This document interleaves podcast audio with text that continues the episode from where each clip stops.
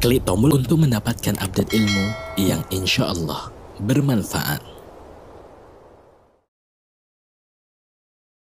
Bismillah.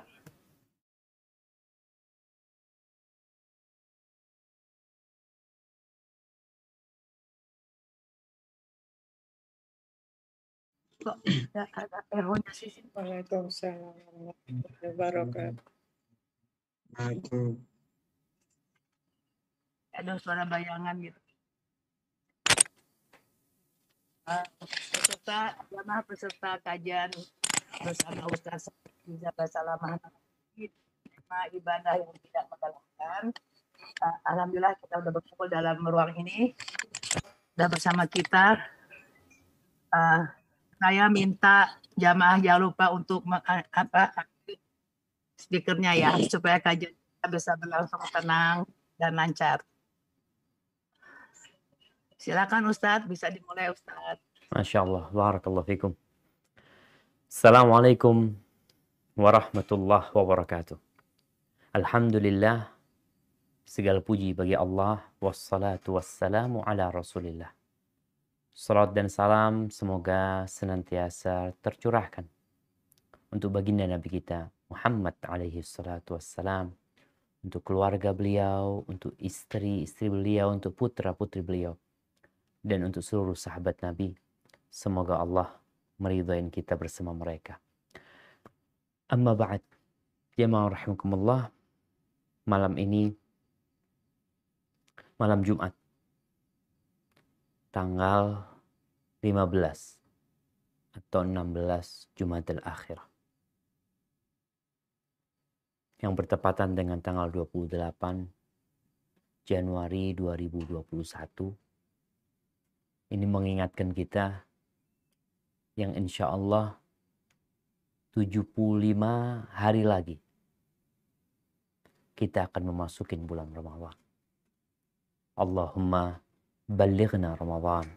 Ya Allah sampaikan kami ke bulan Ramadan. Kemudian malam ini juga malam Jumat. Malam yang terindah. Yang pada hari Jumat itu Allah menciptakan Nabi Adam alaihissalam. Menurunkannya dari surga dan mencabut nyawanya.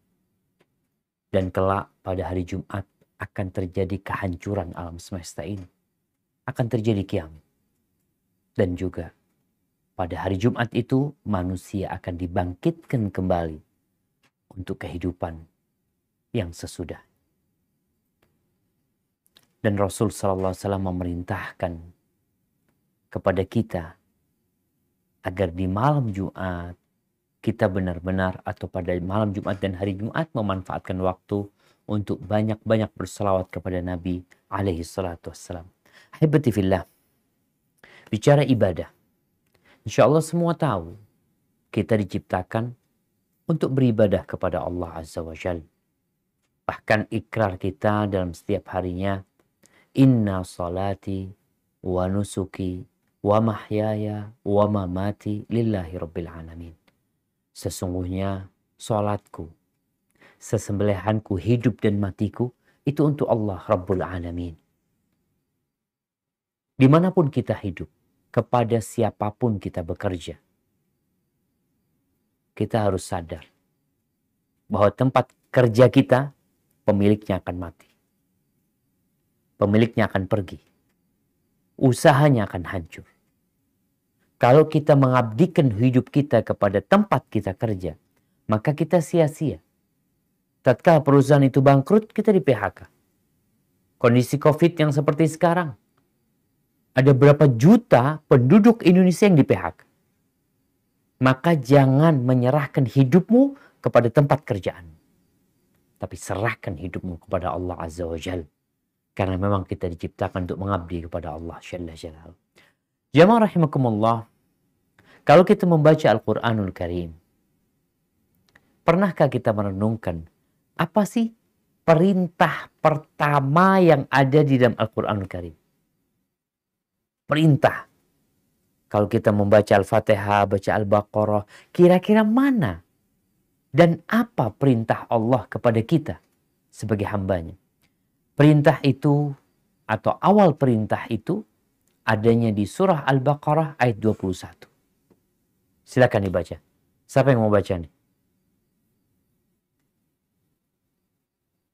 Silakan Ahi Bahrudin Baktin. Nah, Saudara Bahrudin, Ahi Bahdin, Bahrudin. Ya. Silakan. Tolong suaranya agak keras. أعوذ بالله من الشيطان الرجيم الذي جعل لكم الأرض فراشا Ayat 21. والسماء Ad-Bahrudin ayat 21-nya. عفوا أعوذ بالله من الشيطان الرجيم يا أيها الناس اعبدوا ربكم الذي خلقكم والذين من قبلكم لعلكم تتقون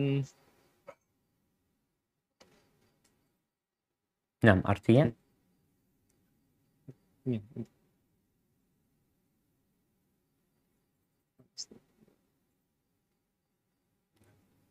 mungkin bisa dilihat di layar, Bahrudin.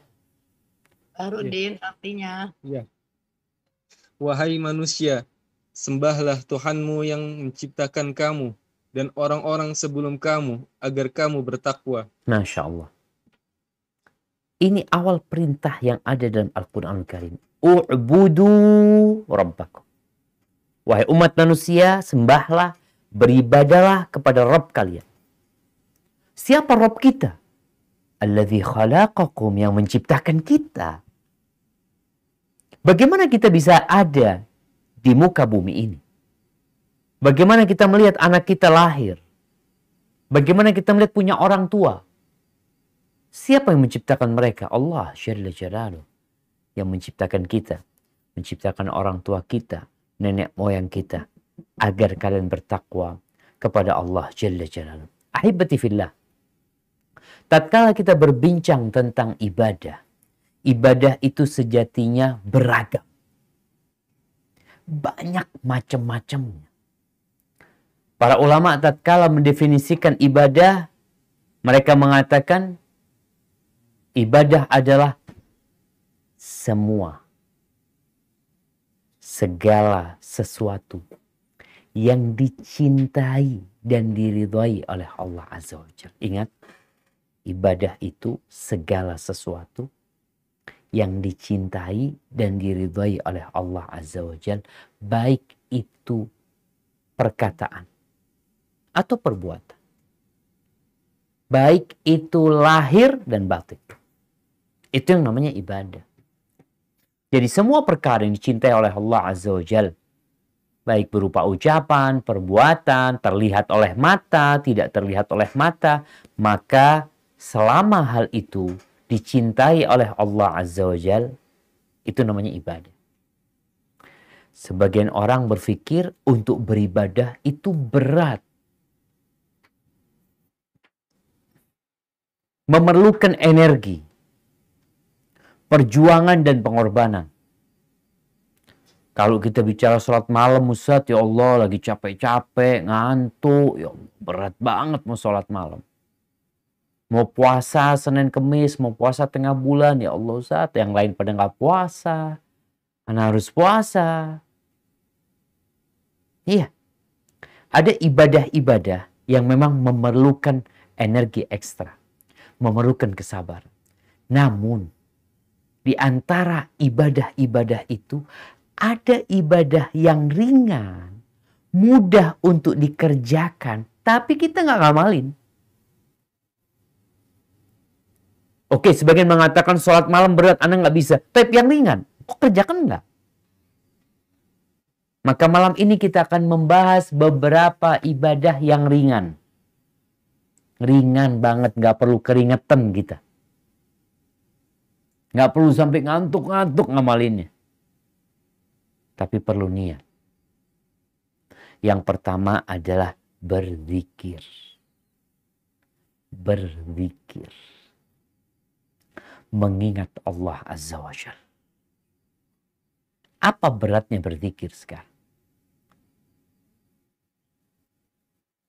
Kita kadang-kala bisa pegang handphone satu jam goyang atas, goyang samping, Satu jam. Nggak capek.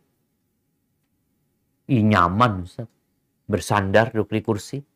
Tapi berzikir mengingat Allah SWT. Perlu energi apa? Nggak perlu pakai mic. Sehingga semua tetangga dengar. Nggak perlu teriak-teriak.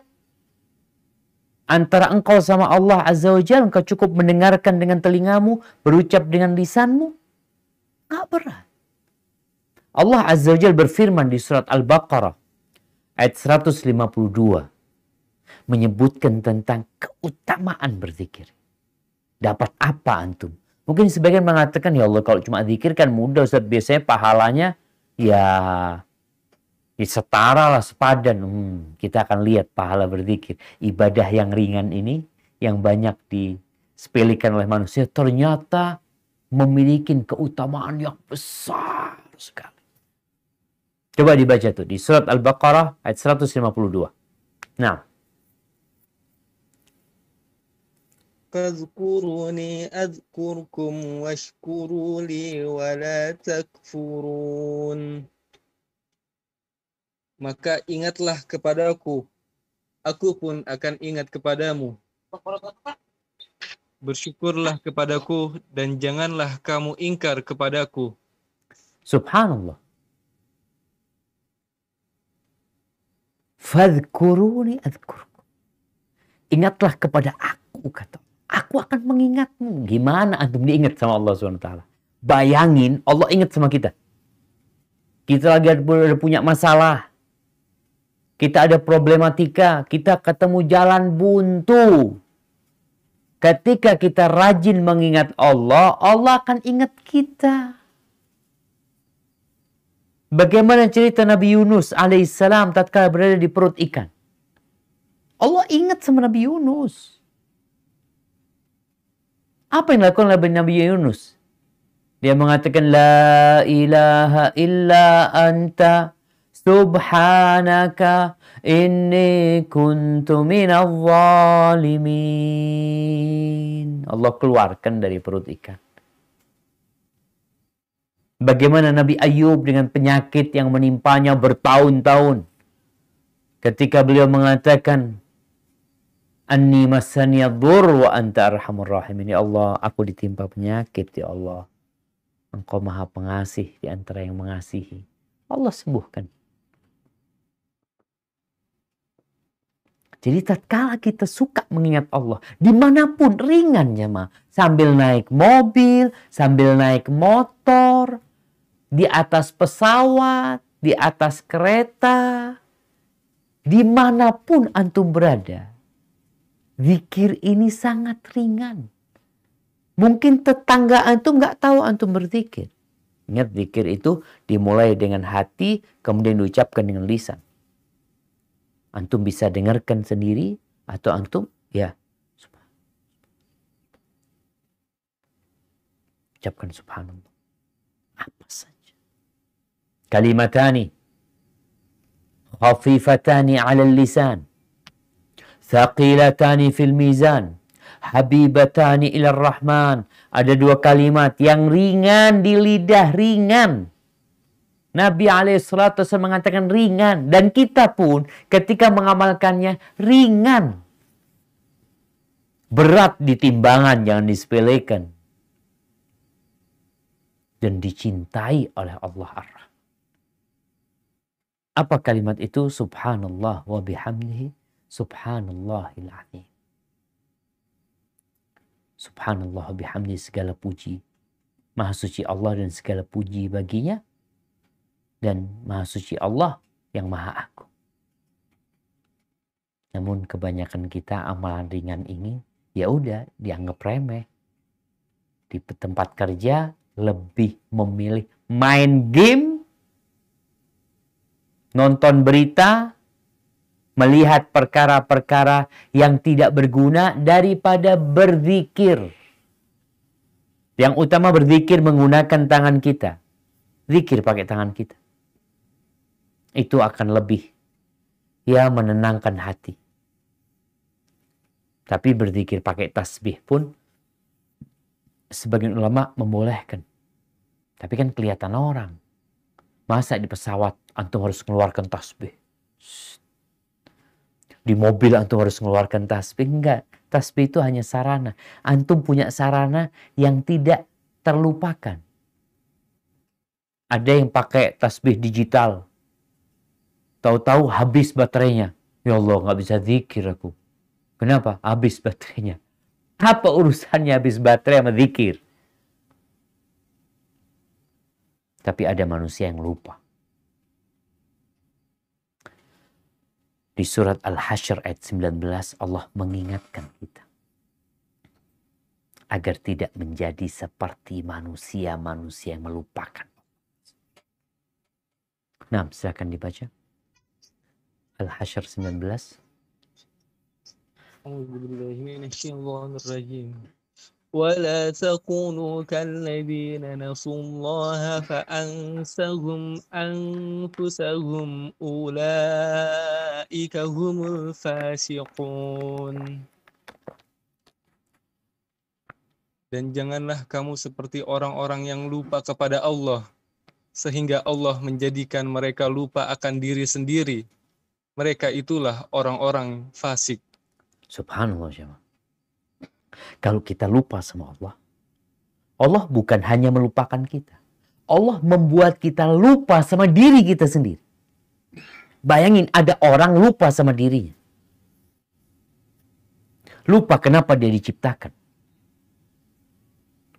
Lupa untuk apa dia ada di muka bumi ini.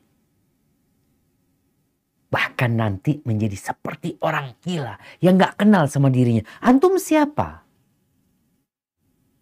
Bingung dia.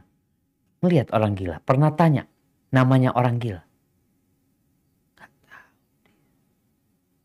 Dan kalau kita melupakan Allah, Allah akan bikin kita lupa sama diri kita sendiri. Lupa dengan maslahat kita.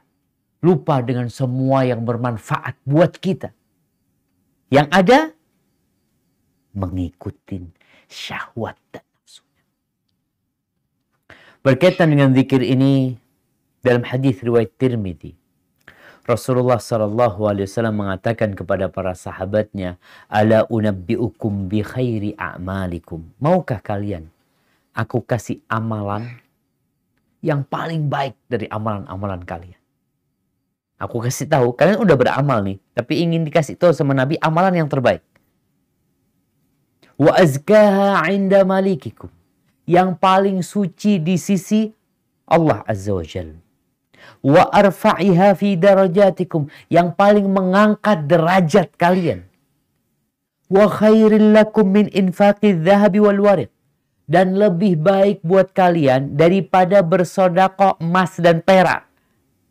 Untuk sodako emas dan perak mikir. Paling banyak orang sodako ya 2000 lah wa khairil lakum min an talqaw aduwakum fatadribu a'naqahum a'naqahum wa yadribu a'naqahum dan lebih baik daripada kalian berjihad di jalan Allah. Kalau kita bicara ibadah yang disebutkan sama Nabi SAW, menginfakkan emas dan perak, berat kita. Kita capek, lalu kita harus keluarkan, Masya Allah. Perlu perjuangan. Apalagi jihad visabilillah. Meninggalkan keluarga, mengorbankan nyawa dan harta. Ini amalan lebih baik dari itu. Qalu bala. Para sahabat mengatakan tentu ya Rasulullah. Apa amalan itu? Zikrullah. Mengingat Allah Azza wa Jalla. Ya. Mengingat Allah ini menghilangkan kegundahan. Mengusir kegalauan. Menurunkan tumak nina. Kedamaian di dalam hati. Antum tinggal coba Orang yang ketika waktu luangnya dipenuhi sama zikrullah, Allah akan ingat sama antum. Nggak ada masalah yang besar buat antum. Tatkala antum suka mengingat Allah Amalan yang kedua, yang mudah, ringan, tapi banyak di antara kita yang meremehkannya, menyepelekannya adalah menyebarkan salam. Bukankah Rasul Shallallahu Alaihi Wasallam mengatakan hakul muslim alal muslimi sit hak orang Islam atas Islam lainnya itu ada enam. Salah satunya idza laqitahu fasallim alaih. Kalau engkau berjumpa sama saudaramu sesama muslim, ucapkan salam. Namun ternyata di banyak masyarakat, baik di perkotaan atau di pedesaan, ketika berjumpa bukan salam. Hey! Hello! Apalagi permisi. Numpang lewat. Nuwun sewu. Di setiap daerah punya bahasa. Ketika mereka berjumpa sama orang, melewatin rumahnya orang, ada orang yang duduk di sana, ada yang berdiri. Biasanya termasuk adab dan etika. Kulonun. Lu Islam mengajarkan sesuatu yang lebih indah berpahala lagi. Kenapa nggak diamelin? Udah kebanyakan pahala tuh. Wah, alhamdulillah terlalu banyak pahala. Kalau anda harus nyebarkan salam juga nggak enak lah. Bohong. Kita males aja. Kalau nggak males, nggak enak. Rasul Sallallahu Alaihi Wasallam menyebutkan dalam hadis riwayat Abu Dawud rahimahullah taala inna awlan nas billah man bada'ahum bisalam Sesungguhnya orang yang pantas dengan Allah, yang pantas mendapatkan rahmat Allah, yang paling dekat sama Allah adalah orang yang memulai mengucapkan salam. Mulai dia mengucapkan salam. Gak nunggu orang itu mengucapkan salam sama dia. Tapi dia yang memulai. Jemaah apa beratnya mengucapkan salam sih? Menyempurnakan salam kita. Karena di masyarakat kadangkala yang terdengar Kumsalam. Kumsalam. Ucapkan salam dengan sempurna. Imam Tirmidzi meriwayatkan bahwa ada seorang laki-laki yang datang menyumpai Nabi alaihi salatu. Lalu laki-laki itu mengatakan, Assalamualaikum. Apa kata Nabi wassalam? Ashrun. Sepuluh. Lalu datang laki-laki lain mengatakan Assalamualaikum warahmatullah. Maka Nabi SAW mengatakan Ishrun. 20 nih. Lalu ada orang ketiga yang datang mengatakan Assalamualaikum warahmatullah wabarakatuh. Apa kata Nabi SAW? Thalathun. Pahalanya 30 nih orang. Bayangin sekarang antara Assalamualaikum dengan kulonun. Dengan permisi. Dengan numpang lewat. Islam mengajarkan adab dan etika. Bahkan dalam urusan salam pun nggak sembarangan. Nabi SAW mengatakan yusallimu sagir alal kabir. Yang seni, yang junior, yang kecil mengucapkan salam kepada yang lebih tua wal mar alal qa'id yang sedang lewat kepada orang yang duduk. Di sini yang sering terjadi, kita lewat depan rumahnya orang, tuh orang-orang lagi duduk-duduk, santai dia di depan rumah mereka, kita mengatakan apa? Permisi. Numpang lewat ibu, ya monggo. Kenapa antum nggak salam? Almar alal qaid yang sedang lewat kepada orang yang duduk. Yang ketiga, warrakib alal mashi yang berkendaraan mengucapkan salam kepada yang jalan kaki. Kadangkala tuh pejalan kaki itu sakit hati sama pengendara. Sebagian yang mengendara motor, ada oknum-oknum yang naik ke tempatnya pejalan kaki. Melewati trotoar yang ada pencet bel. Kalau memang kau perlu lewat sana karena ada kebutuhan khusus, ucapkan salam. Ar-Rakib al-Mashi. Kemudian Al-Qalil al-Kathir. Yang sedikit mengucapkan salam kepada yang jumlahnya banyak. Ahibati fillah, memang sih di antara tanda-tanda kiamat itu kata Nabi Alaihissalam akan adanya orang-orang yang mengucapkan salam kepada kenalannya saja. Yang kenal Assalamualaikum. Nggak kenal diem. Lewat aja. Bayangin jamaah, memang kita kadang kala malu ya. Tapi kita perlu. Ketika lewat di mana-mana, antum masuk ke toko, ke warung ya. Apa sekarang yang dilakukan oleh ya minimarket minimarket kecil ketika antum masuk? Apa kata mereka? Selamat datang, ada yang bisa dibantu, ini itu, selamat datang mereka sebutkan namanya antum buka, assalamualaikum warahmatullahi wabarakatuh. Kira-kira dia akan mengatakan selamat datang nggak lagi? Waalaikumsalam warahmatullahi wabarakatuh. Ucapkan salam. Naik bis, naik kereta, masuk, Assalamualaikum. Mau lebih sempurna, Assalamualaikum warahmatullahi wabarakatuh. Dan bagi kita yang mendengarkan, jemaah mengucapkan salam itu sunnah. Menjawab salam itu wajib. Allah Azza wa Jal berfirman di surat An-Nisa ayat 86 tentang bagaimana kita tatkala mendengarkan salam atau mendapatkan salam. Silakan dibaca. An-Nisa ayat 86. Wa idza Huyyitum. Oh iya. Wa khuyyitum bi tahiyyatin fahayyu bi ahsana minha aw rudduha innallaha kana ala kulli syai'in hasiba.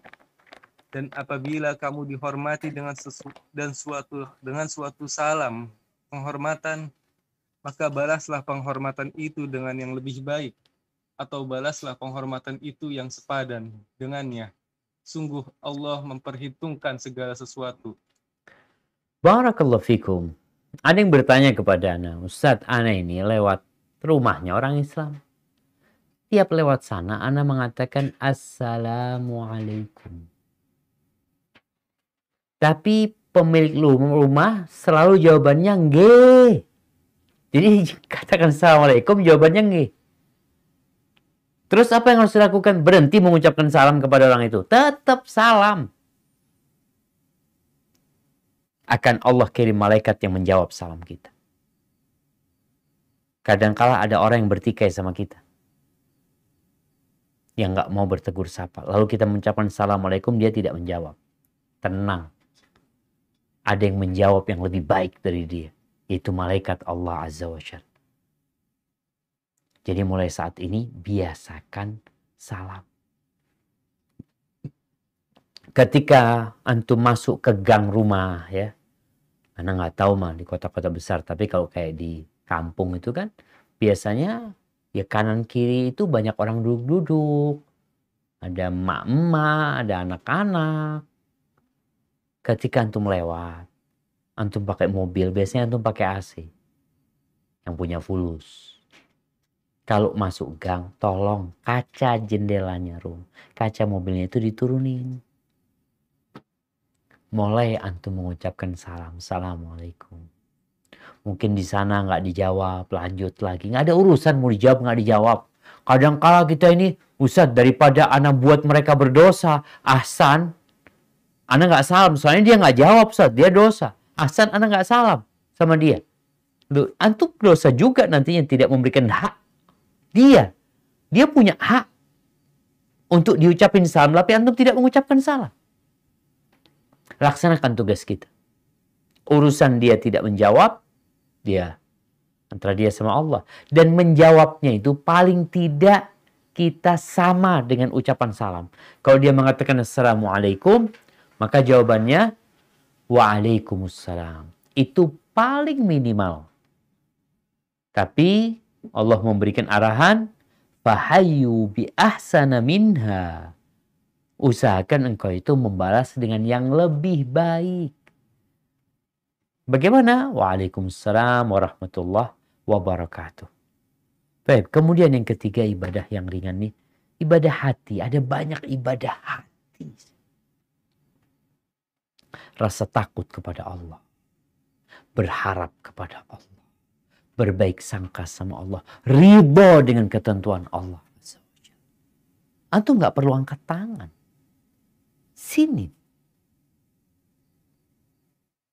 Keimanan. Antum beribadah dengan hati. selain dengan raga kita. Maka yang ada yang mengatakan di antara para sahabat Nabi, kenapa Abu Bakar itu bisa ya mendahului sahabat-sahabat yang lain? Apakah dengan banyak ibadahnya? Dikatakan bukan. Tapi bisyai'in waqara dengan sesuatu yang ada dalam hatinya dia. Yang kemudian tampak dalam raganya. Abu Bakar radhiyallahu taala Apa kata Nabi alaihi salatu wasallam? Irda bima qasamallahu lak takun aghnan nas. Ridolah engkau dengan apa yang Allah bagikan untuk dirimu. Engkau akan menjadi orang paling kaya di muka bumi. Gak harus antum merantau untuk jadi orang kaya. Gak harus antum merantau. Gak harus antum kerja dari pagi pulang malam. Nggak harus antum menjadi ya apalah pekerjaan-pekerjaan yang berat, menjadi bupati, menjadi presiden, itu pekerjaan berat mah. Kalau sekedar antum ingin jadi orang paling kaya di dunia ini, ternyata cukup dengan ibadah ridho. Ridho. Dengan apa yang Allah berikan kepada kita. Ringan apa? Sulit ridho. Kalau antum disuruh sholat malam, aduh berat tuh Ustaz. Suruh ridho. Tinggal nyetel hatinya. Menerima ketentuan Allah Azza wa Jal. Yang baik dan yang buruk. Yang buruk dia bersabar, yang baik dia bersyukur. Kemudian ibadah yang keempat. Yang ringan adalah ibadah bertutur kata yang baik. Ngomong yang baik. Ada sebagian kita mungkin di keluarganya memang nggak biasa ngomong baik. Makian, cacian, biasa dilontarkan. Dan bahkan ucapan itu menjadi biasa di masyarakat. Di beberapa daerah, ucapan umpatan yang buruk jadi biasa. Padahal kita nggak mau tuh anak-anak ikut berucap yang seperti itu. Maka ucapkan yang baik antum komentar. Sekarang kan orang ngomong dengan tulisan. Yang baik. Allah Azza wa Jal berfirman di surat Al-Isra ayat 53 menjelaskan bahwasanya ucapan yang baik ini menjaga persahabatan, menjaga persaudaraan, menjaga keutuhan rumah tangga, menjaga silaturahim, karena setan itu mencari-cari ucapan yang buruk dari kita yang akan digunakan bahan untuk menimbulkan keributan di antara keluarga dan kerabat kita. Nah, silakan dibaca di surat Al-Isra ayat 53. وَقُلْ لِعِبَادِي يَقُولُوا الَّتِي هِيَ أَحْسَنُ Inna syaitana yanzagh bainahum Inna syaitana kana lil insani aduwam mubina dan katakanlah kepada hamba-hambaku Hendaklah mereka mengucapkan perkataan yang lebih baik atau benar Sungguh, setan itu selalu menimbulkan perselisihan di antara mereka Sungguh, setan adalah musuh yang nyata bagi manusia Allahu Akbar. Jadi setan itu cari bahan untuk merusak hubungan kita. Yang dia cari omongan. Apalagi omongan yang multi tafsir. Tulisan yang multi tafsir. Itu dimanfaatkan oleh setan. Maka Allah perintahkan kepada hamba-hambanya untuk bertutur kata yang paling baik, yang benar Rasul wasallam dalam hadis riwayat Bukhari dan Muslim mengatakan wal kalimatu thayyibah sadaqah. Kalimat yang baik itu sodakoh. Nggak keluar duit. Antum nggak perlu mengeluarkan dompetnya. Membukanya. Kadang kala mikir mana yang mau disodakohkan. Udahlah. Kalimat yang baik sodakoh. Qaulun ma'rufun wa maghfiratun khairun min sadaqatin yatba'uha adha. ucapan yang baik, maaf yang diberikan itu lebih baik daripada sodako yang diikutin dengan ya gangguan kepada orang yang dikasih. Yang kita ini ada yang mudah, ucapan yang baik. Siapa yang paling pantas mendapatkan ucapan? Ya orang tua, istri, suami, anak-anak. Ucapkan yang baik. Teman kita di kantor. Ini ibadah. Ibadah sodako nggak keluar duit cuma antum. Rasul SAW dalam hadis riwayat Bukhari dan Muslim ketika menjelaskan orang Islam tuh kayak apa sih? Yang disebut orang Islam yang kayak apa? Maka beliau alaihissalatu mengatakan al-muslim man salimal muslimun min lisanihi wa. Orang Islam itu adalah sosok manusia yang orang lain itu selamat dari gangguan lisannya dan tangannya. Lisan dan tangan.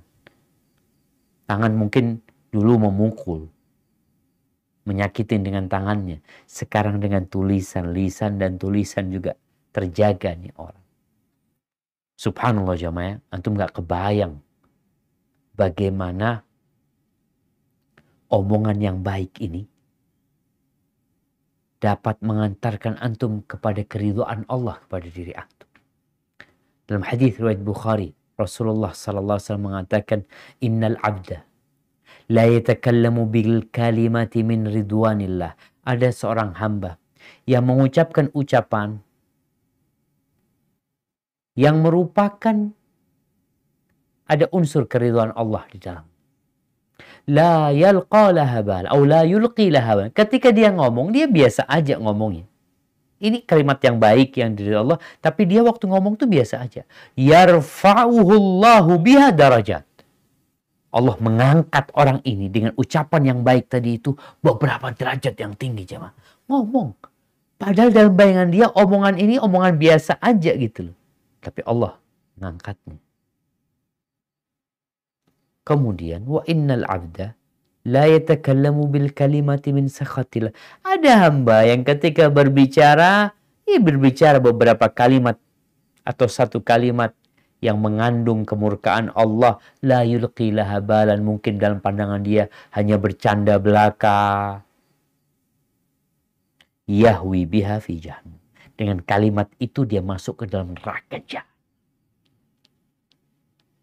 kalimat yang baik bagaimana Rasulullah sallallahu alaihi wasallam ketika ditanya tentang sosok seorang wanita taqumul lail salat malam Wata sumun nahar, puasa sunnah, wata tasaddaq, juga rajin sodakoh.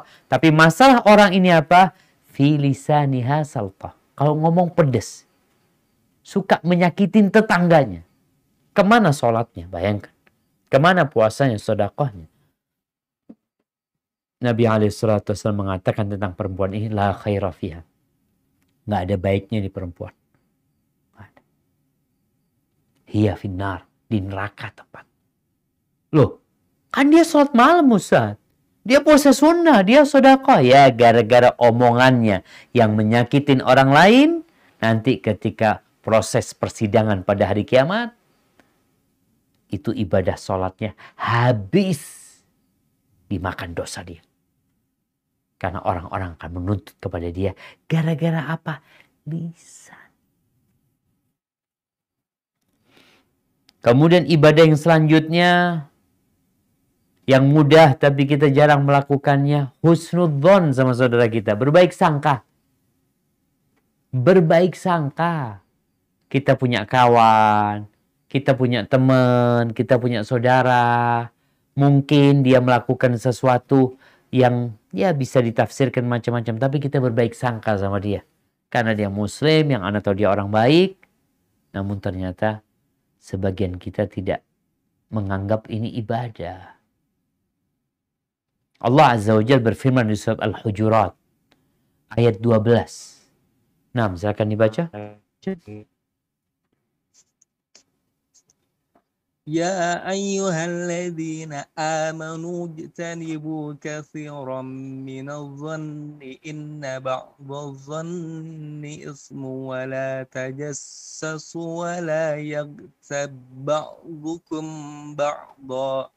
أي يحب أي يحب أحدكم أن يأكل لحم أخ أخيه ميتا فكرهتموه واتقوا الله إن الله تواب Ya Allah. إن الله تواب رحيم Wahai orang-orang yang beriman, jauhilah banyak dari prasangka. Sesungguhnya sebagian prasangka itu dosa, dan janganlah kamu mencari-cari kesalahan orang lain. Dan janganlah ada di antara kamu yang menggunjing sebagian yang lain. Apakah ada di antara kamu yang suka memakan daging saudaranya yang sudah mati? Tentu kamu merasa jijik dan bertakwalah kepada Allah. Sungguh Allah Maha Penerima Taubat, Maha Penyayang. Barakallahu fiik. Subhanallah sejamaah. Bagaimana Allah mengarahkan orang-orang beriman untuk menghindari banyak berprasangka. Berprasangka yang baik sama saudaramu. Apa beratnya? Kita berprasangka baik. Tetangga kita, kita lihat pulang malam, eh mungkin habis pulang kajian.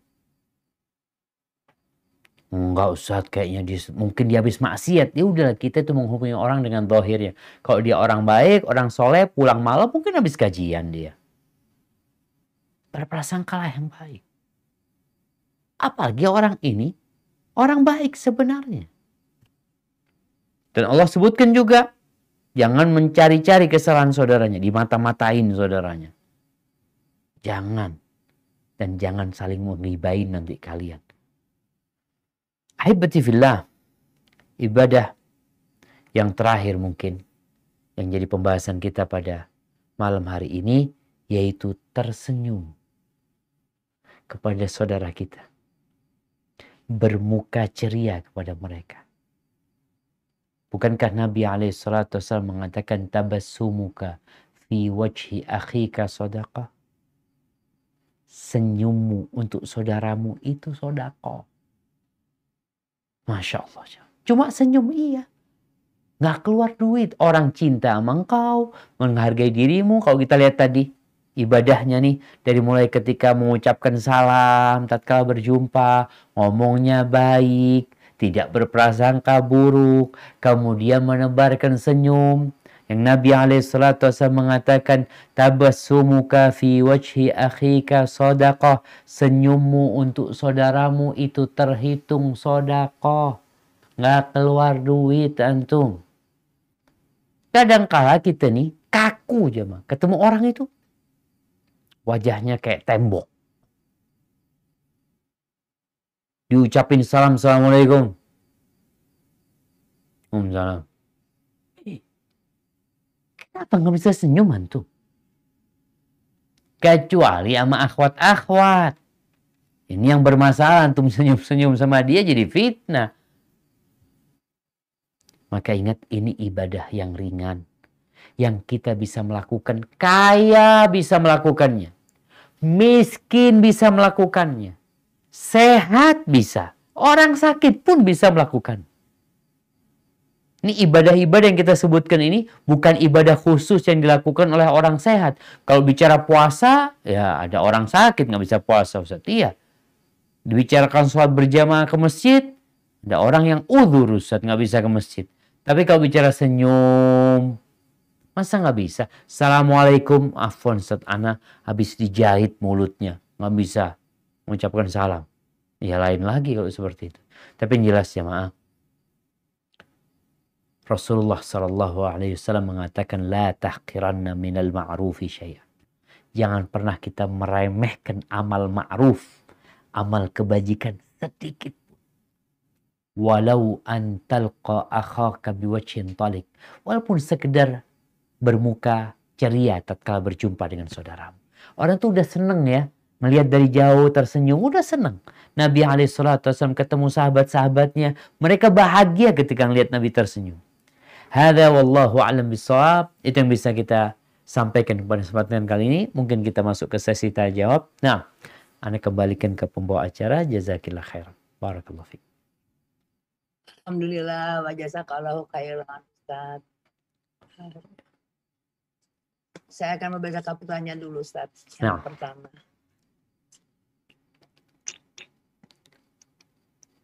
Banyak nih Ustaz. Masya Allah. Eh, Ustadz, maaf saya mau bertanya. Kalau pertanyaan ini cukup panjang, kalau, pembukaannya mereka banyak memberi doa, bahkan doakan itu eh, saya ikut baca juga atau langsung pertanyaan aja Ustadz? Mungkin tinggal dibacakan secara ringkas aja ya. Dibacakan secara ringkas. Ini penanya mendoakan Ustadz. Semoga Allah ringkas lalu masuk ke pertanyaannya. Bismillah. Ustadz, bagaimana sikap kita yang paling tepat dan bijak sebagai orang-orang yang telah mengenal dan mendawamkan ibadah sunnah untuk menyikapi saudara-saudara kita yang mengada-ngada dan membuat-buat beribadah beribadah semuanya sendiri ketika tidak ada kemampuan untuk mengingatkan secara. Bagaimana Ustadz? Masya Allah. Barakallahu fikum. Ya jemaah. Tadi yang kita bahas itu, itu yang kita pakai. Bagaimana kita tatkala berjumpa dengan mereka, kita berbaik sangka sama mereka. Kenapa mereka belum mengamalkan sunnah? Mungkin mereka nggak ngerti Pak Ustaz. Mungkin mereka menganggap kita ini salah. Sehingga dia beranggapan kita ini yang tersesat. Karena ilmunya belum nyampe kepada dia. Jadi kita perlu berbaik sangka sama dia. Ketika berjumpa sama mereka, jadilah orang yang pertama memulai salam. Jangan sampai antum malah nggak mau salam sama mereka. Dalam kondisi ya kita lihat masyarakat ini nggak paham, nggak ngerti gitu. Ini kejadian jamaah banyak di banyak tempat. Ada cerita seorang ustadz ya baru lulus pesantren itu dia dikirim ke satu daerah yang sama penduduk itu nggak diterima dia untuk berdakwah di sana. Nggak boleh dia ceramah di masjid ini itu. Ya sudahlah. Tapi karena dia diutus sana dia ditinggal di situ. Tiap hari berangkat ke masjid, melihat orang kampung, assalamualaikum, waalaikumsalam, assalamualaikum. Tiap hari, kira-kira sampai sebulan, masya Allah, masyarakat mulai heran sama yang tidak memperbolehkan ustadz itu berdakwah. Kenapa? Ini orang baik, selalu menyapa kita, tersenyum sama kita. Ada apa sama dia? Oh ternyata ada provokatornya. Bagaimana sekarang kita membuktikan kepada masyarakat bahwa saya sunnah ini indah gitu loh. Antum berbagi sama mereka. Kalau tadi disebutkan kalau bicara berbagi harta mungkin nggak punya. Ya sudah. Antum berbagi yang antum mampu. Di antaranya ucapan salam buat mereka. Ingat banyak di antara mereka nggak ngerti.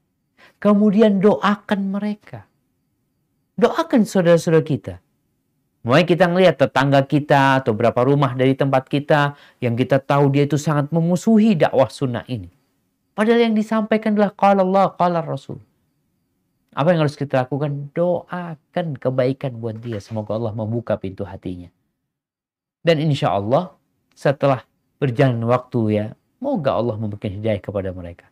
Dulu jamaah cerita di kota Medina ya, ada seorang syekh menceritakan Kadang-kadang di lampu merah itu ada pemuda-pemuda yang berandalan ya, ada di kota Medina sambil menyetel musik keras-keras dia. Akhirnya Syekh ada seorang alim ulama yang ya bukan alim ulama sih, dia cuma orang yang peduli dengan dakwah ini. Simpatisan dakwah, dia ingin orang-orang baik. Ketika melihat pemuda itu sedang nyetel musik dengan kaset dulu ya, sambil goyang-goyang, Syekh itu mengatakan Assalamualaikum Waalaikumsalam. Nih ada hadiah buat anak kaset. Coba antum dengerin. Subhanallah. Dengerin sama pemuda itu, sebagian dapat hidayah. Maka kita berbaik sangka sama mereka, tetap berharap mereka dapat hidayah. Jangan pernah menfonis mereka, aduh sulit udah saat berat. Kalau berat, engkaunya berat. Menghadapi itu. Tapi buat Allah Azza wa Jal, Allah hanya tinggal mengatakan, kun fayakun. Selesai. Barakallahu fiik. Nah, Barakallah Ustaz. Ustaz ini yang bertanya barusan namanya Renaldi. Rupanya ada dua pertanyaan Ustaz. Saya sambung ya Ustaz. Ya. Siap. Bagaimana posisi tangan kita ketika itidal yang paling afdol menurut jumhur ulama? Apakah ditempatkan kembali di dada seperti sebelum bersedekap, sebelum ruku, atau diletakkan di tubuh seperti sebelum takbiratul ihram? Masya Allah, barakallahu fiik. Masalah ini masalah ijtihadiyah di antara para ulama ya. Ketika mereka memahami bahwasanya iktidal itu kondisi tangan kembali kepada tempat semula. Tempat semulanya ini mana? Kalau bicara sudah masuk sholat, tempat semulanya adalah berada di dada. Kan kita sholat Allah Akbar kayak gini. Sebelum kita ruku, kita kan kayak gini. Kemudian ketika ruku, kalau dikatakan kemudian iktidalnya sami Allahul liman hamidah, semua anggota tubuh kembali seperti di tempat semula, kayak apa? Yang berpendapat seperti ketika awal sholat ya seperti ini. Tapi mengatakan enggak, sebelumnya kita kan seperti ini, jadi dilepas. Jadi masalah khilaf di antara para ulama, kalau Anda melihat mungkin yang lebih kuat yang dilepas uh, tangannya, tapi kalau ada yang berpendapat meletakkan di dadanya, maka kita menghargai pendapat tersebut. Mungkin seperti itu. Ada wallahu a'lam Alhamdulillah ya Ustaz. Uh, ini ah Ustaz. Assalamualaikum. Waalaikumsalam.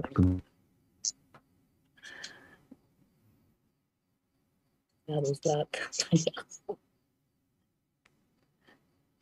Ustaz izin bertanya, Nah. apa saja tanda amalan kita diterima oleh Allah?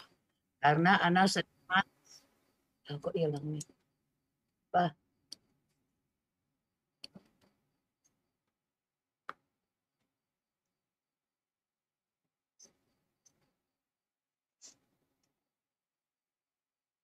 Nah,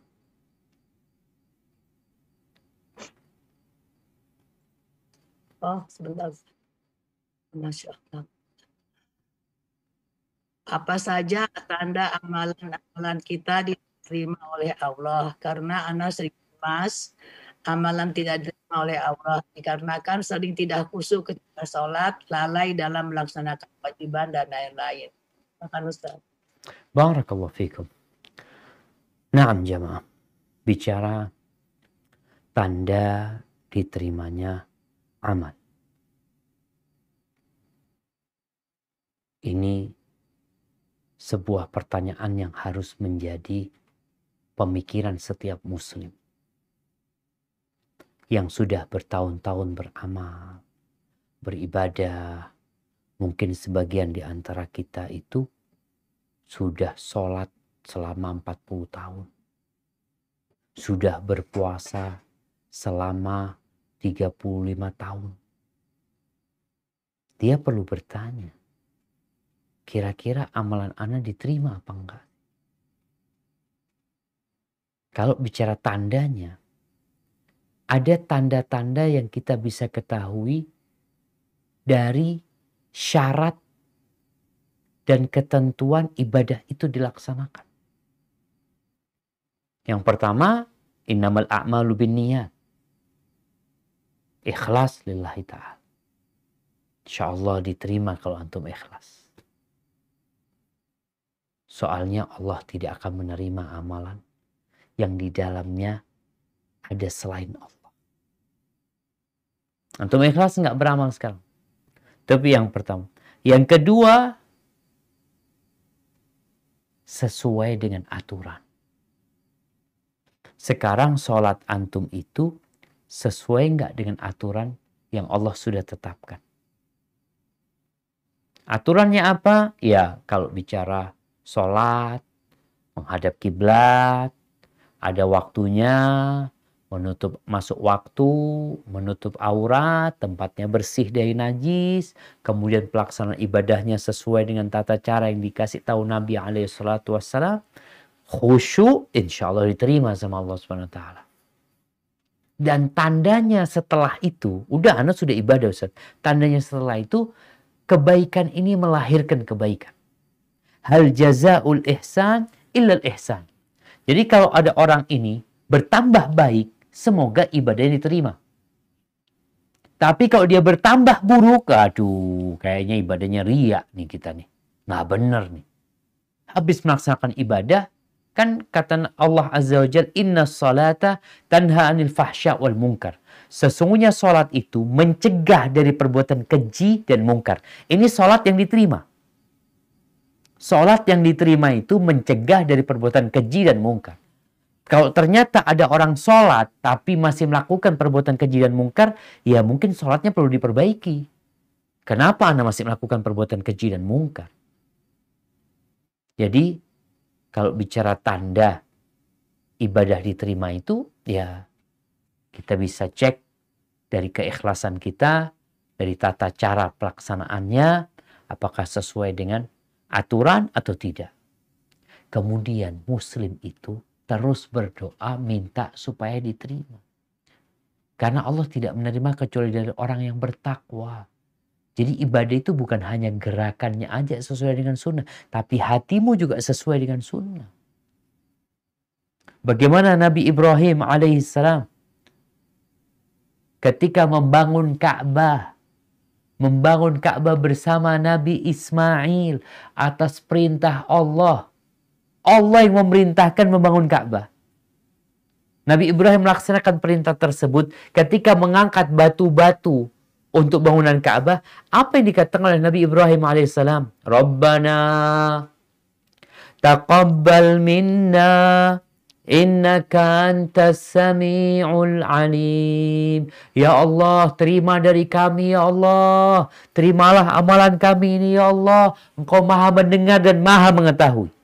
Engkau mendengar doa kami. Dan engkau mengetahui ibadah kami ini sesuai enggak dengan yang engkau inginkan. Oleh karena itu, karena kita tahu ibadah kita ini ada banyak kekurangan. Sehingga tatkala selesai ibadah, tolong setelah ibadah wajib, tambahkan dengan ibadah-ibadah sunnah. Karena ini akan menyempurnakan yang wajib tadi. Kemudian perbanyak istighfar. Bagaimana Rasul Shallallahu Alaihi Wasallam setiap selesai sholat yang beliau lakukan adalah membaca astagfirullah, astagfirullah, astagfirullah. Itu muncul dari perasaan takut gak diterima. Ada kekurangan mungkin dalam ibadah tersebut. Minta kepada Allah agar menyempurnakan dan menerima. Hada wallahu a'lam bishawab. Nah. Eh, berikutnya dari Umu Anan uh, mohon penjelasan Ustaz uh, berikut hadis yang diriwayatkan Muslim ini Ustaz. Janganlah mengkhususkan malam Jumat yang saat malam tanpa malam-malam yang lainnya. Dan jangan mengkhususkan dan jangan mengkhususkan Jumat dengan puasa hari-hari yang lainnya kecuali bila bertepatan dengan kebiasaan puasa sekarang. Silakan Ustaz. Nah, barakallahu fiqh. Nah, jemaah. Berkaitan dengan hari Jumat ini. Ada ibadah yang memang dilakukan di hari Jumat. Ada ibadah yang umum sebenarnya. Tapi di hari Jumat lebih diutamakan. Contohnya hari Jumat ada sholat Jumat. Itu ibadah khusus dilakukan di hari Jumat. Kemudian di hari Jumat ada membaca surat Al-Kahf. Kemudian ada memperbanyak sholawat. Kemudian ada doa yang mustajab di hari Jumat. Namun Rasul Shallallahu Alaihi Wasallam memberikan arahan kepada kita. Ini kan hari mulia. Jangan sampai hari mulia ini kemudian kita membuat ibadah tersendiri. Mengkhususkan hari Jumat itu malam harinya sholat malam. Kenapa engkau sholat malam? Karena malam Jumat. Nah, ini yang bermasalah. Kalau engkau sholat malam, ya anda biasa sholat malam. Ya tafatul sholat malam. Jadi sepanjang Hari Senin kita sholat malam, Selasa sholat malam, Rebu sholat malam, Kemis sholat malam, Kemis malam, Jumat sholat malam. Artinya kita memang membiasakan diri, bukan mengkhususkan. Artinya kita memang sengaja di malam Jumat mau sholat malam. Kenapa? Karena malam Jumat. Di sini kita tahu ibadah itu bukan mengikuti keinginan, tapi mengikuti aturan. Nabi melarang. Kemudian di hari Jumatnya dilarang juga untuk mengkhususkannya untuk puasa. Nggak boleh kita hari Jumat, hari Jumat kan hari paling mulia, Anda mau puasa. Eh, jangan. Kecuali memang engkau biasa puasa umpamanya puasa Daud. Kemarin puasa Rebo. Kalau kemarin puasa Rebo, berarti kemis nggak puasa, Jumat puasa. Kenapa engkau puasa hari Jumat? Kan besoknya engkau nggak mau puasa. Kan sunahnya kalau puasa Jumat itu hendaklah puasa sehari sebelumnya atau sehari sesudahnya. Ini orang yang puasa Daud sehari sebelumnya nggak puasa, sehari sesudahnya nggak puasa. Tapi dia bukan mengkhususkan sholat, mengkhususkan hari Jumat untuk puasa. Tapi itu masuk ke hari kebiasaan dia. Dia kebiasaannya puasa Daud yang jelasnya kalau dia puasa hari Rebo, Kamis libur, Jumat puasa, Sabtu libur, Ahad puasa. Jadi seperti itu. Adapun ibadah-ibadah khusus yang memang disebutkan sama Nabi SAW yang kita laksanakan sebagaimana perintah beliau. Hada wallahu a'lam bisawab. Kalau kalau fit, Wafik satu lagi Ustadz lebih baik menggunakan tasbih atau jari tangan Ustadz. Allah. Barakallahu fikum. Kalau ditanyakan lebih baik mana tasbih sama tangan, ya tanganlah. Rasulullah SAW tidak menggunakan tasbih. Rasulullah menggunakan tangannya dan mengatakan fa innahunna mantuqat yaumal qiyamah atau mas'ulat Oh kama qala Nabi SAW. Ini jari-jari akan ditanya sama Allah Subhanahu wa taala. Beliau menghitung dengan tangannya. Dengan tangan kanannya. Maka diutamakan dengan tangan kanannya. Subhanallah, subhanallah, subhanallah, subhanallah, subhanallah, subhanallah, subhanallah, subhanallah, subhanallah. Atau mau pakai mau pakai ruas-ruas jari. Tapi yang biasa dilakukan Nabi SAW, beliau menghitung dengan jarinya. Dan ini keutamaannya jemaah. Selain akan menjadi saksi, kemudian kita terbiasa nggak ada lagi yang namanya males berzikir karena nggak bawa tasbih. Tapi kalau untuk bawa tasbih, baru berzikir. Tasbihnya ketinggalan, males berzikir akhirnya. Yang kedua, tasbih itu dilihat sama orang. Sehingga kadangkala menyebabkan ada perasaan ria ini kalau orang nggak jaga hati. Bahkan kadang kala tasbihnya dikalungkan. Kenapa dikalungkan? Apa tujuannya? Sebagai perhiasan. Tasbih itu bukan perhiasan, tapi dia itu alat menghitung subhanallah. Tapi sama orang digunakan perhiasan. Makanya tasbih itu kadang kala ada yang mahal-mahal. Karena terbuat dari batu onik, ada batu akik, batu apa, ini itu. Tujuannya apa sekarang? Berzikir mengingat Allah Azza wa Jalla. Maka yang lebih utama adalah pakai tangan. Dan insya Allah itu akan membuat antum nggak pikun juga. Soalnya antum menghitung. Sedangkan kalau pakai tasbih, apalagi digital, nggak ada ngitung sudah. Orang yang tasbih digital itu cuma mencet doang sudah. Nggak tahu dia tahu-tahu dilihat ada yang kayak cincin itu kan dilihat oh udah 1500 baca lagi dia, oh udah sekian. Dia tidak pernah menghitung. Maka lebih baik menggunakan tangan kita. Kita mau tidur malam, tadi kita di mobil, di apa, pakai tangannya untuk mengingat Allah SWT. Hada wallahu a'lam bishawab. Nah. Alhamdulillah. Selanjutnya Ustaz dari Ummu Sabira.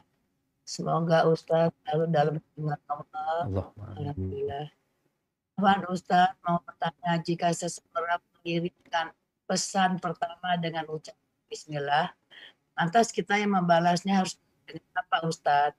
Jazakallahu khairan Ustadz. Barakallahu fikum. Naam jamaah. Kalau ada orang yang mengirim pesan dengan Bismillah, apa yang harus kita lakukan? Ya, kita tidak nulis apa-apa sebenarnya.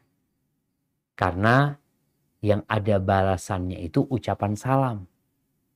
Ketika dia mengucapkan salam, maka kita sebagai muslim menjawab salamnya. Tapi ketika dia menulis dengan bismillah, ya kita membacanya aja. Sehingga kita tidak ada kewajiban membalasnya dengan bismillah juga umpamanya. Dia kan yang memulai tadi umpamanya dia mau tulis surat bismillah atau apa. Kemudian tinggal kita apa sikap kita. Kalau kita membuat pembalasan khusus surat dia umpamanya, chat dia kita baca, kita tulis bismillah juga nggak apa-apa sebenarnya. Tapi sebenarnya karena ini obrolan, omongan, karena chatting ini adalah obrolan dalam tulisan. Bukan surat sebenarnya, tapi ngomong dia cuma dalam tulisan. Sehingga kan sempat rame waktu itu viral. Apa yang harus ditulis pertama kali ketika menulis chatting? Kalau menulis surat, Nabi SAW menulis Bismillah. Bagaimana suratnya Nabi Sulaiman kepada Ratu Balgis dimulai dengan Bismillahirrahmanirrahim. Karena ini surat. Tapi kalau yang namanya ucapan, ngomong, bukan bismillah yang diomongkan adalah Assalamualaikum. Jadi sekarang kalau memang dia menulis bismillah, kemudian dia bertanya kabar kita, kita kenal Alhamdulillah. Kalau dia mengucapkan salam, kita balas dengan salam juga. Hada wallahu alam bisawab.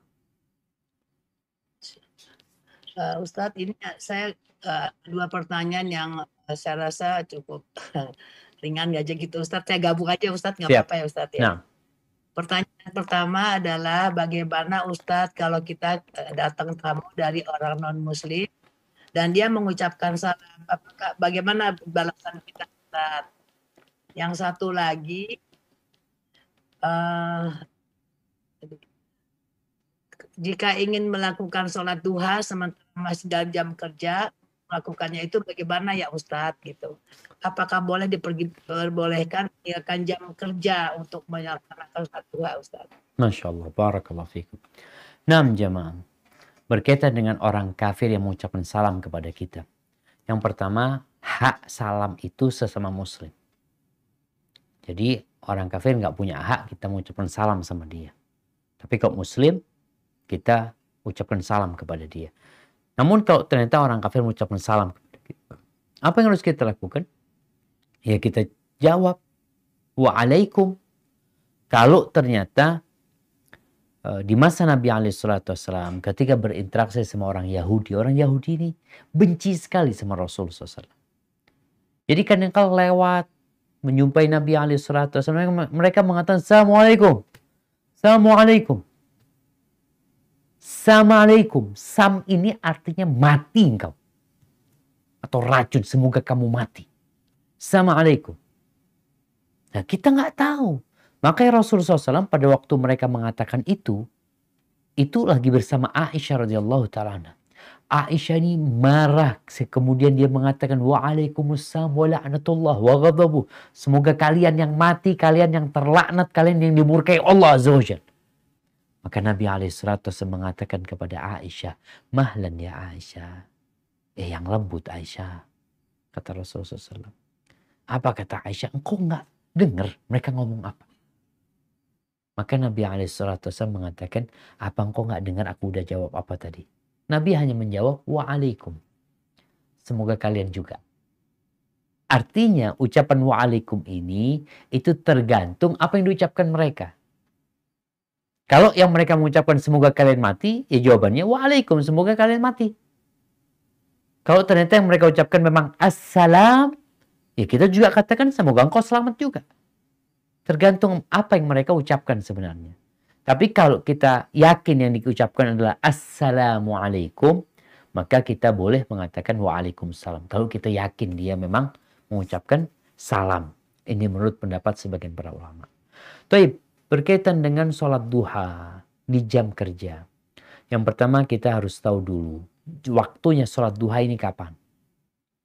Waktunya sholat duha itu setelah matahari terbit, kira-kira udah naik ya dari dari batasnya bumi itu ya.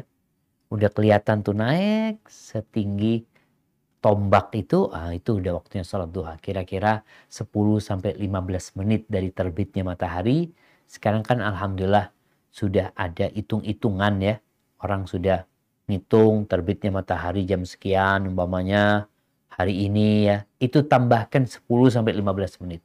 Baru kita sholat duha. Nah, di sini buat orang-orang yang bekerja, kalau memang dia ada jam kerja yang tidak mungkin ditinggalkan, hendaklah sholat duhanya sebelum masuk kerja.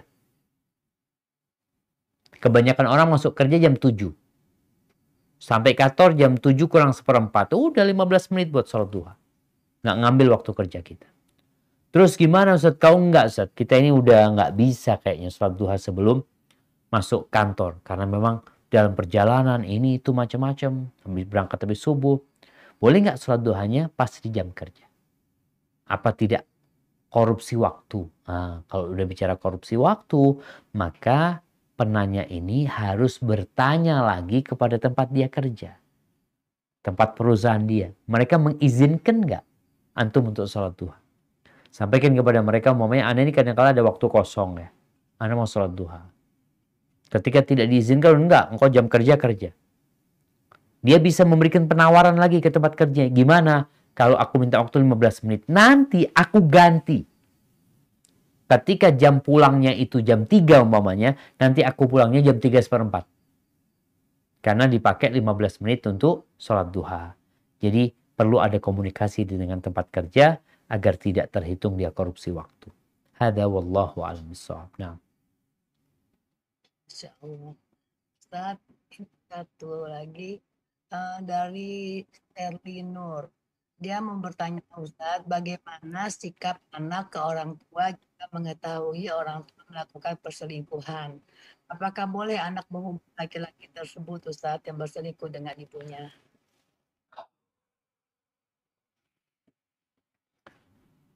Na'udzubillah min Apa yang harus dilakukan anak? Ketika ibunya berzina. Entah berselingkuhnya sudah sampai ke perzinaan, tapi yang jelas dua orang ini ketika berduaan, yang ketiganya adalah syaitan. Apa yang harus dilakukan anak? Melabrak itu laki-laki atau benerin ibunya? Dua-duanya. Bukan melabrak itu laki-laki, tapi mendakwain laki-laki tersebut. Agar dia takut, agar dia bertobat. Bukan urusan dunia yang kita pikirkan, tapi urusan akhirat. Setelah itu perbaiki ibunya. Kemudian kalau ibunya janda memang, nggak ada bapaknya, ibunya janda, ya sampaikan kepada ibu. Kalau memang ibu mau menikah, menikah dengan laki-laki yang baik. Tapi kalau ternyata ibunya ini masih ada bapaknya. Min Bagaimana sekarang Anti memperbaiki kondisi rumah tangga. Kalau ternyata ibu selingkuh padahal suaminya ada. Ah, bapak ini ada di rumah Ustaz. Apa penyebab terjadinya perselingkuhan? Yang jelas masalah utamanya adalah kurangnya iman. Tapi mungkin ada masalah lain. Kadangkala bapak ini kurang peduli. Jadi memang jamaah, kalau bunga itu layu, nggak dirawat, biasanya ada orang lain yang merawat itu bunga. Maka buat anak ini ngelihat kalau memang bapaknya ini kurang perhatian sama ibu ya. Jarang uh, ngobrol sama ibu, berbagi cinta dan kasih. Kadangkala ibu cari di tempat lain kasih sayang itu. Maka selain memberi nasihat ibu untuk bertakwa kepada Allah, untuk takut kepada Allah Azza wa Jal. Yang kedua, bagaimana bapak juga menjaga ibu. Karena di masyarakat kita ini ada satu satu sikap yang ana rasa kurang tepat. Kadangkala ada perempuan suaminya selingkuh. Apa yang dilakukan oleh perempuan ini? Melabrak selingkuhan suaminya. Dia berkata perempuan itu apa istilahnya pelakor Mau ngambil laki orang. Tunggu dulu suamimu benerin. Engkau labrak itu perempuan. Suamimu nanti kecantol perempuan lain. Ada banyak perempuan di luar sana. Bagaimana menyelamatkan suamimu? Bukan hanya perempuan itu. Ada puluhan, ada ratusan perempuan yang mungkin godain suami. Tapi kalau suamimu engkau jaga, dibekali takwa, sehingga dia menundukkan pandangannya, ada sejuta perempuan lebih cantik dari dirimu, dia akan menundukkan pandangan. Jadi sikap yang benar itu bukan melabrak, tapi kalau mau ngasih nasihat, kasih nasihat itu perempuan ya, agar dia bertakwa kepada Allah dan benerin suaminya agar dia bertakwa kepada Allah Subhanahu wa taala. Hada wallahu a'lam. Ustadz, berikut ini saya akan memberi kesempatan kepada yang bertanya langsung, Ustadz. Uh, pertama, saya memberi kesempatan kepada Isron dari Palembang. Yang kedua, Nadia. Tolong siap-siap. Sekarang silakan Isron dari Palembang bertanya langsung kepada Ustadz. Assalamualaikum warahmatullahi wabarakatuh Ustaz. Waalaikumsalam warahmatullahi wabarakatuh. Ahlan wa sahlan. Barakallahu fiik. Eh gimana kabarnya? Alhamdulillah Ustaz. Alhamdulillah Ustaz. Nah, silahkan. Uh, apa numpang bertanya Ustaz, kalau nah. ini saya uh, di luar tema Ustaz ya. Siap. Jadi kalau uh, ada namanya syarat-syarat syar'i itu yang Anda pernah dengar itu misal uh, istri boleh menolak uh, keinginan suami di tempat tidur dengan syarat syar'i atau istri boleh mengajukan hulu uh, dengan syarat syar'i. Itu uh, syarat syar'inya itu kita dapat dari mana ya Ustaz? Nah, Masya Allah. uh, itu penting sekali karena di syarat syar'i kalau tidak memenuhi syarat syar'i untuk hulu itu pun ada ada ancaman ada ancaman betul mencium bau surga Hmm, hmm, hmm. Nah, itu sepertinya penting. Jadi, anak bingung nyarinya di mana itu, Ustaz. Siap, Masya Allah. Nah, itu aja, Ustaz. Nah, barakallahu fikum, Masya Allah. Ya, jemaah, ini pertanyaan yang menarik ya. Bagaimana syarat-syarat syar'i itu di mana kita tahu. Memang di buku-buku fikih disebutkan biasanya beberapa contoh syarat syar'i. Kalau bicara gugat cerai, umpamanya syarat syar'inya sang suami melakukan pelanggaran dalam urusan agama ini syarat syar'i. Suami nggak sholat, suami minum khamar, suami berzina. Itu syarat syar'i. Kemudian yang kedua syarat syar'i itu suami tidak melaksanakan kewajibannya. Ini kan syariat menetapkan suami ini punya kewajiban yang harus dia kerjakan. Si suami tidak memberikan nafkah kepada istrinya umpamanya. Ini ini melaksanakan lagi syariat gitu loh yang seharusnya dia kerjakan. Kemudian yang ketiga suami memvolimin istri dengan memukul, dengan memaki, dengan menjelek-jelekan istri, maka pelanggaran-pelanggaran syariat yang dilakukan oleh suami atau kewajiban-kewajiban yang seharusnya dikerjakan ditinggalkan oleh suami atau kedoliman yang kerjakan itu menjadi syarat syari. Kemudian ada masalah kadangkala istri ini nggak mampu melayani suami lagi sudah. Gak tahu dia apa ya dia cinta lagi sama suami. Bingung dia sudah pokoknya. Itu bisa menjadi alasan gitu. Karena dia benar-benar anak kan punya kewajiban melaksanakan kewajiban anak Ustaz. Cuma anak nggak bisa melaksanakan itu. Ketika sang istri tidak mampu melaksanakan kewajibannya, maka ini menjadi syarat syar'i. Karena kalau dia tetap di sana, dia akan dosa terus gitu loh. Malam diajak sama suami, Allah Ustaz, anak ini kok Hmm, ada mungkin yang ngomong enak sama suaminya udah. Atau gimana? Sehingga yang jelas tadi ada yang disebut syarat-syarat ini uh, kewajiban yang seharusnya dilaksanakan tidak dilaksanakan atau pelanggaran-pelanggaran dalam syariat yang dilakukan oleh pihak suami yang menyebabkan istri nggak mau lagi sama suami maka itu menjadi syarat syar'i. Adapun kalau bicara syarat syar'i istri tidak melayani suami, istri sakit sekarang istri sakit. Dia nggak mampu melaksanakan itu. Dan akan membahayakan dirinya. Maka ketika dia dipanggil oleh suami, dan dia tidak melayani suami karena memang dia sedang sakit, maka itu jadi alasan buat dia. Allah tahu dia sedang sakit. Sehingga kita tahu kan konsekuensinya malaikat itu akan melaknat seorang istri yang dipanggil sama suaminya dan tidak mau dia. Sehingga suaminya marah pada waktu itu. Tapi kalau alasan syar'i dia sakit ya, atau dia sedang datang bulan umpamanya yang suami minta dilayani ini itu maka mungkin itu menjadi alasan yang sesuai dengan syariat. Hada wallahu alam bisawab. Nah. Kepada Ufi Nadia silakan langsung sampaikan pertanyaan. Nadia. Assalamualaikum Ustadz. Waalaikumsalam warahmatullahi wabarakatuh. Ahlan wa sahlan. Barakallahu fiik. Nah, silakan. Ya, semoga semoga Allah senantiasa melindungi Ustadz, tim Allahumma dan seluruh kaum muslimin. Amin. Amin, amin. Afwan Ustadz ingin bertanya, silakan. bagaimana cara agar bagaimana cara agar kita bisa beribadah kepada Allah dengan rasa ringan, bahkan sampai-sampai kita senantiasa merasa butuh untuk selalu mengingat dan beribadah kepada Allah. Jazakumullah khairan Masya Allah. katsir. Masya Allah. Barakallahu fiik. Iya jemaah. Bagaimana menumbuhkan rasa butuh sama ibadah itu. Sehingga jadi ringan. Caranya adalah mencintai Allah dan Rasul. Coba kita lihat dalam kehidupan kita. Seorang laki-laki yang mencintai perempuan, apa aja permintaan perempuan itu, itu rutin sama dia. Disuruh mendaki gunung, dia daki gunung. Disuruh menyeberangi lautan, dia seberangi lautan.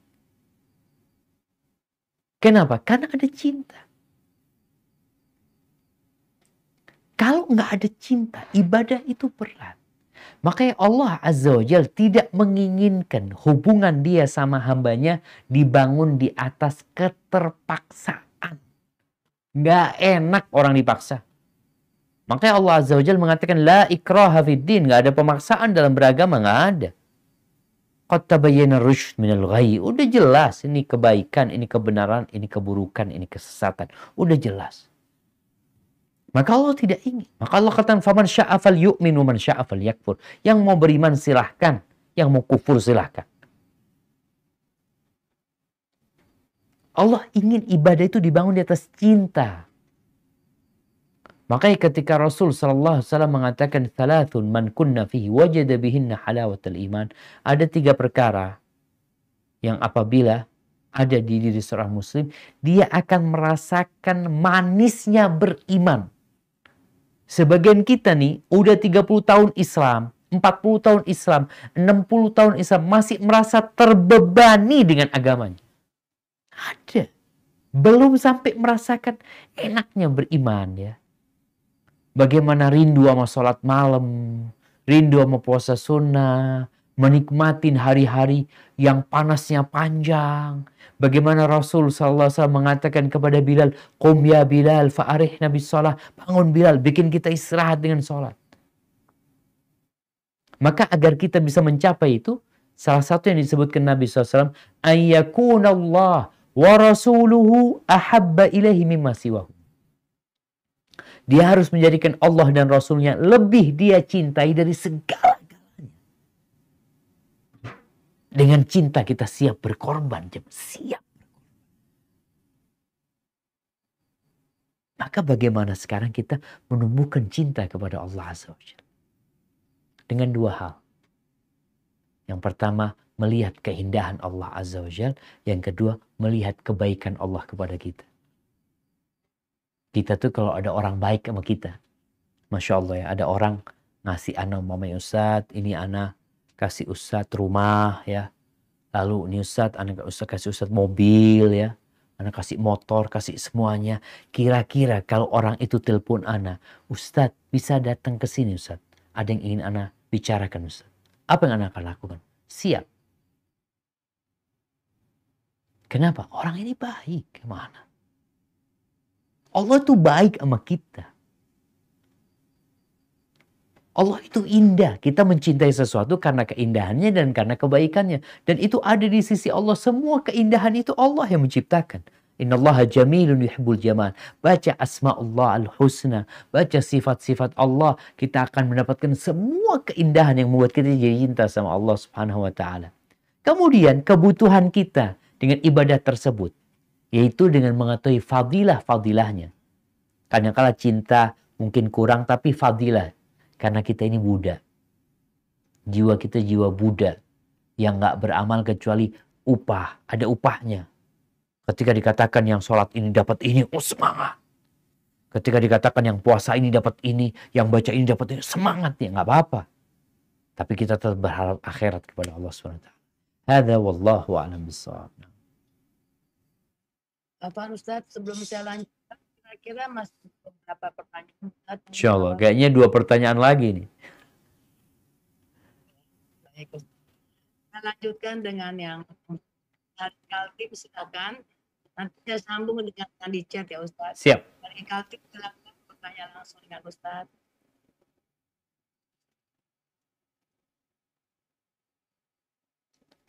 نعم تفضلي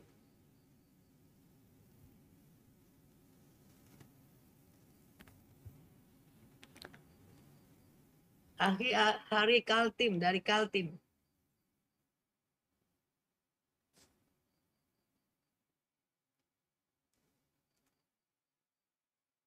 Hari, hari dari Kaltim. Masih nyimak nggak ya? Halo, Hari dari Kaltim.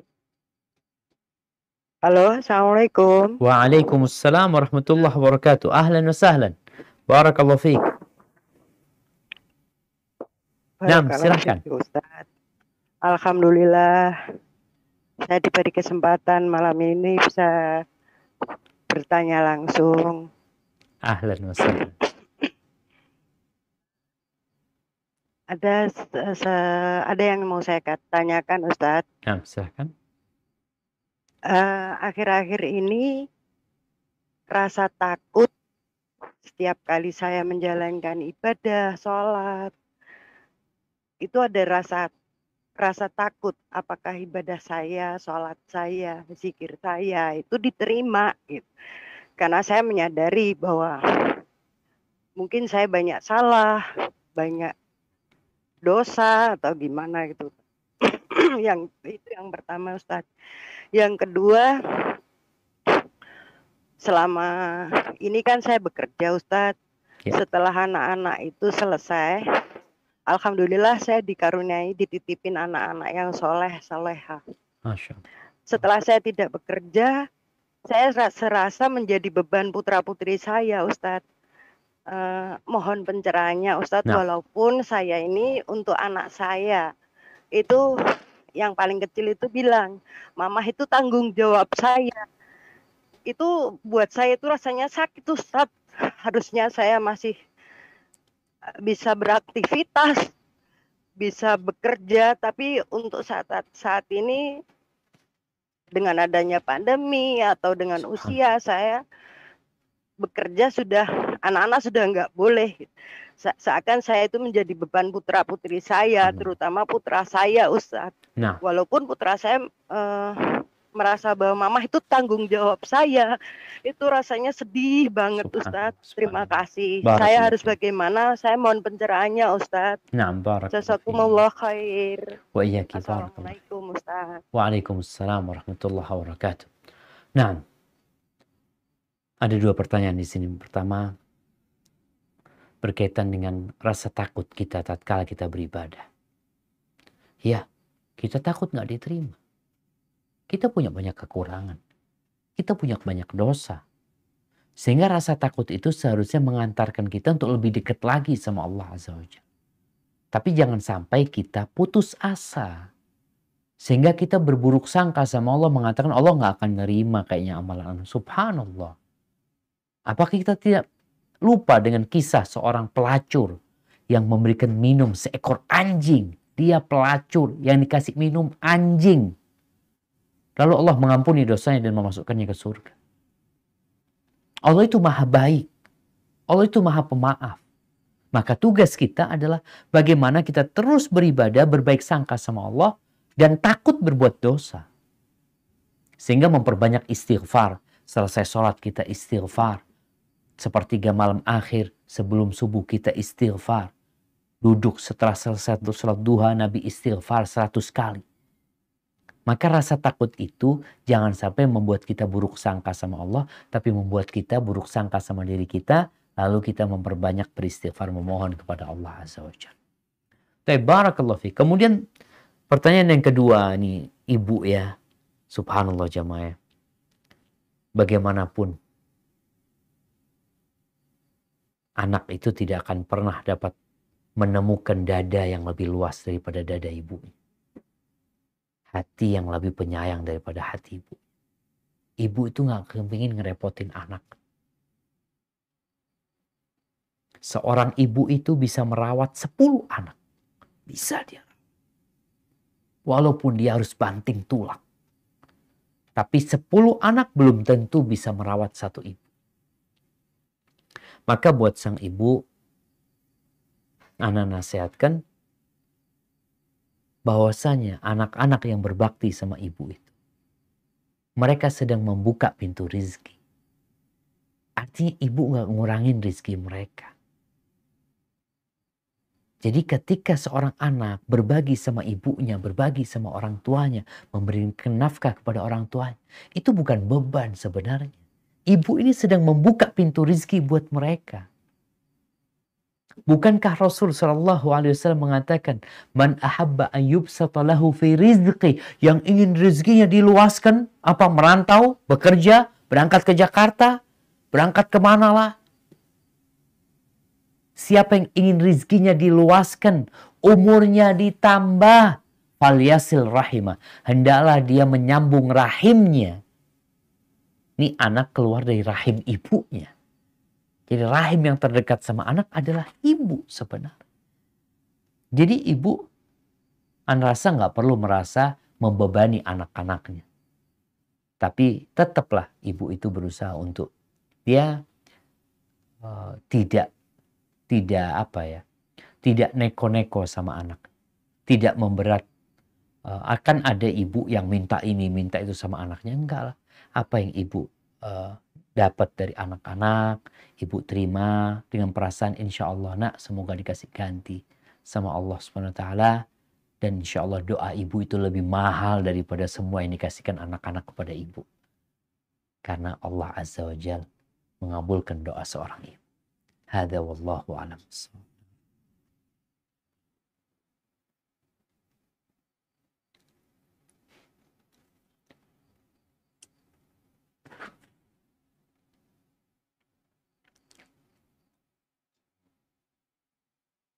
Nah, masih mute kayaknya. Belum ada suara. Ya. Satu pertanyaan lagi ya Ustaz. Siap. Saya ringkas pertanyaannya cuma ini uh, cukup bagus ini. Uh, begini Ustadz, so, ibu ini bernama Ibu Chandra. Dia mempunyai dua anak kembar masih kecil. Ketika itu dia bulan Ramadan mengajak anaknya masjid ikut sholat tarawih ini kayaknya. Terus ketika lagi sholat anaknya dimarahin sama jamaah yang katanya udah nyunah. Yang apa? Kada, kada yang udah nyunah Ustaz. Ya, uh. Chandra ini bilang orang nyunah itu merasa dirinya paling benar. Padahal Rasulullah pernah bilang biarkan anak-anak di masjid supaya mereka mencintai masjid.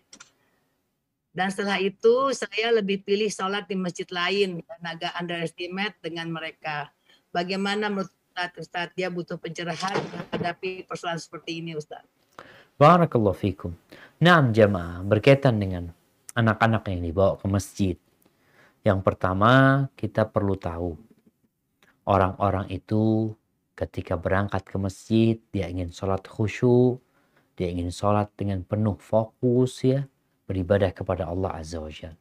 Sehingga untuk khusyuk itu diperlukan suasana, kondisi. Rasul SAW aja ketika beliau pakai baju yang ada corak-coraknya, beliau minta ganti karena itu melalaikan Sallallahu Alaihi Wasallam. Umar bin Khattab juga melarang untuk menghias-hiasi masjid kata dia. Nanti bikin orang-orang lalai ketika sholat. Nah, bagaimana sekarang anak-anak? Jadi anak-anak yang dibawa ke masjid ini menjadi tanggung jawab orang tuanya. Jangan sampai itu anak membuat masjid ini jadi kacau. Orang itu datang meninggalkan rumahnya ingin ibadah khusyuk, tahu-tahu ada anak-anak yang lari sana, lari sini umpamanya. Sehingga mengganggu kekhusyuan itu. Dan sebagian orang tua membiarkan dengan dengan tadi alasan oh kan anak-anak. Iya. Tapi ini tempat bersama, masjid itu tempat bersama. Bukan nggak boleh bawa anak-anak, boleh. Nabi alaihissalatu membawa putrinya ke masjid. Putri bukan putra, bukan putrinya, afwan. Cucunya yang putri. Anaknya Zainab, Umamah binti Abil As dibawa Nabi ketika beliau jadi imam itu digendong ditaruh sininya bukan dilepas gitu loh karena masih kecil ditaruh di pundak Nabi SAW Jadi kalau bicara tetap kita bagaimana mengenalkan masjid buat anak-anak kita, tapi tanpa mengganggu orang lain. Ini yang menjadi catatan. Artinya orang tua ketika anak-anaknya rame, usahakan ada di sampingnya. Anak ingat dulu ketika di Madinah itu, orang-orang kadang-kala anaknya itu dikasih tali ya mah. Jadi ada model kayak oh, rompi gitu, itu ada talinya. Jadi anaknya di sampingnya udah nggak ke mana-mana. Sehingga sekali lagi tidak mengganggu orang lain. Jadi buat uh, yang bertanya, lihatlah kondisi anak kita. Anak kita bisa nggak dibawa ke masjid? Anak kadang-kala bawa anak-anak, ganggu ke masjid. Setelah itu anak nggak bawa lagi. Nanti nunggu berapa waktu ngelihat perubahan di diri dia, kita kondisikan, alhamdulillah dia sudah mulai ngerti, ya Anda bawa ke masjid lagi. Tapi yang jelas ingat maslahat bersama harus lebih dijaga daripada maslahat pribadi. Rasul SAW membawa anak digendong sama Nabi SAW. Itu salah satu yang dilakukan Rasul SAW. Juga pernah anaknya Nabi SAW, cucunya nih Hasan dan Husain ya. Ketika Nabi sujud mereka kuda-kudaan Nabi SAW. Tapi Nabi yang dibikin kuda-kudaan. Artinya bukan akhirnya orang sujud anaknya lari di mana? Di pundaknya orang ini semuanya ya. Maka ingat kita perlu memperhatikan hal itu. Kita memperkenalkan masjid buat anak-anak kita, tapi tanpa merusak ke apa ya suasana kerohanian yang ada di masjid. Hadza wallahu a'lam Itu mungkin yang bisa Anda sampaikan pada kesempatan kali ini. Kurang lebihnya mohon maaf yang benar dari Allah Jalla Jalaluh, yang salah dari diri Anda pribadi, Allah dan Rasul yang terbebaskan dari kesalahan itu. Anda kembalikan kepada pembawa acara. Jazakillah khairan. Barakallahu fikum wa jazakallahu khairan Ustaz wa barakallahu. Uh, para jamaah Alhamdulillah uh, para jamaah kita ikuti kajian bersama Ustaz Hafid bersama yang insya Allah menjadi ladang ilmu kita, menjadi pengingat dan penyemangat kita untuk terus mengikuti talim. Saya mohon maaf kepada Ustadz dan para jamaah atas segala kekurangan saya dan kepada jamaah yang pertanyaannya tidak sempat dibacakan dan ada juga dari Pontianak dan mana lagi tadi yang yang nggak sempat waktunya terbatas. Mohon maaf. Uh, Ustadz, saya mohon Ustadz menutup uh, majelis Ustadz. Ada suruh nutup, subhanallah. Ya, nah. Berkah Ustadz. Ustadz yang nutup. Anu tutup ya. Nah, jamaah mengingatkan kembali malam ini malam Jumat ada banyak keutamaan-keutamaan yang telah Allah tetapkan di malam Jumat dan hari Jumat ini. Maka usahakan kita sebagai seorang muslim tidak meremehkan, tidak menyepelekan karena Wallahu a'lam kita nggak tahu kapan ajal menyebut kita. Maka jangan lupa juga berdoa besok di akhir Jumat dengan berbagai doa yang penuh dengan kebaikan yang diajarkan oleh Rasulullah SAW. Barakallahu fiqh. Mungkin kita tutup dengan membaca doa kafaratul majlis. Subhanakallahumma wa bihamdika ashhadu an la ilaha illa anta astaghfiruka wa atubu ilaik. Wassalamualaikum warahmatullahi wabarakatuh.